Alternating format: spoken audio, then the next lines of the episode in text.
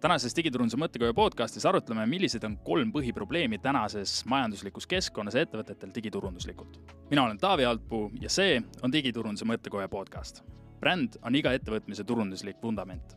kui bränd ei ole paigas või selle peale ei ole holistiliselt mõeldud, siis on digiturundust oluliselt keerulisem teostada kuidas iseloomustada läbimõeldud brändi? suures pildis soovid sa keskenduda just neile kuuele aspektile. Esiteks, mis on sinu brändi lugu? teiseks, kes on sinu ideaalklient ja kuidas sa temaga suhtled? kolmas, milline on unikaalne väärtus, mida sa oma kliendile pakud? neljandaks, kes on mu konkurendid ja mis on nende unikaalne väärtus? seda on vaja teada selleks, et sa teaksid, kuidas sa neist eristud. viiendaks, kuidas me soovime, et meie potentsiaalsed kliendid ja ka lojaalsed fännid meiega kokkupuutel ennast tunneksid, mis on see emotsioon, millega me tahame, et nad ära läheksid. ja kuuendaks, mis on meie põhiväärtused, mida meie ettevõte edasi kannab. Kui sul on nendele küsimustele vastused olemas, siis on sul juba väga tugev põhi digiturundusstrateegia loomiseks. teiseks, sisuloome. ettevõtted ei oska ennast lõpptarbijale piisavalt arusaadavaks muuta mõtle nüüd nendele suurtele brändidele, keda sa turunduskoosolekutel näiteks tood ja keda sa ise imetled. mis on ühist nendel brändidel lisaks sellele, et neil on juba väga tugev brändi vundament? just nimelt arusaadavus. Nad on lõpptarbijatele selgesti mõistetavad. sisuloome ja ka tegelikult terve digiturunduse keskpunktis on alati klient. kuula teda, pane ta turunduse keskpunkti, toeta teda ja aita tal leida õige lahendus oma probleemile. tihti näen, et ettevõtted teevad täpselt sama viga.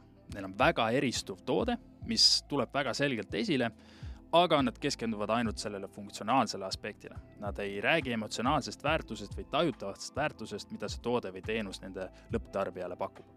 Ehk selle asemel, et järgmine kord rääkida oma lõpptarbijale uhkest nanotehnoloogiast või mingitest vingetest uutest funktsioonidest, räägi sellest, kuidas see toode või teenus tegelikult aitab tal oma elu paremaks muuta.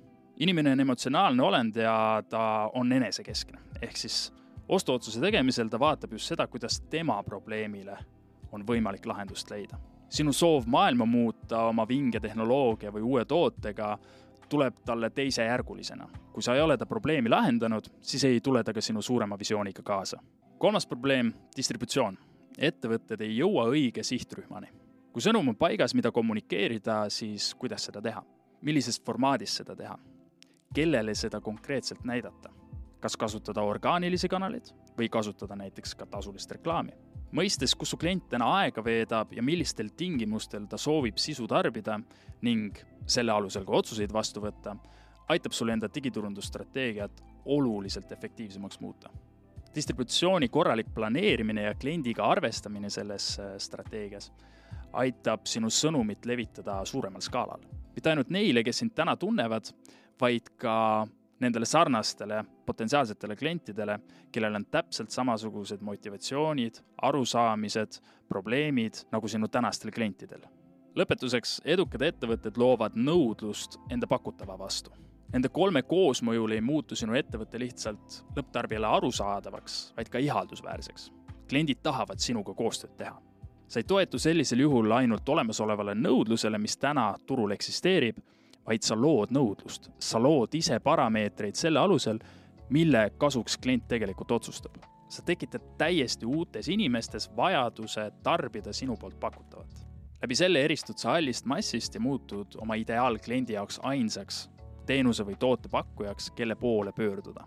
ehk teisisõnu, sa ei suru oma pakutavat lõpptarbijale peale, vaid sa annad talle võimaluse temale sobivatel tingimustel võtta vastu teadliku ostuotsuse mina olen Taavi Altpuu ja see oli järjekordne Digiturunduse mõttekoja podcast. kohtumiseni järgmises osas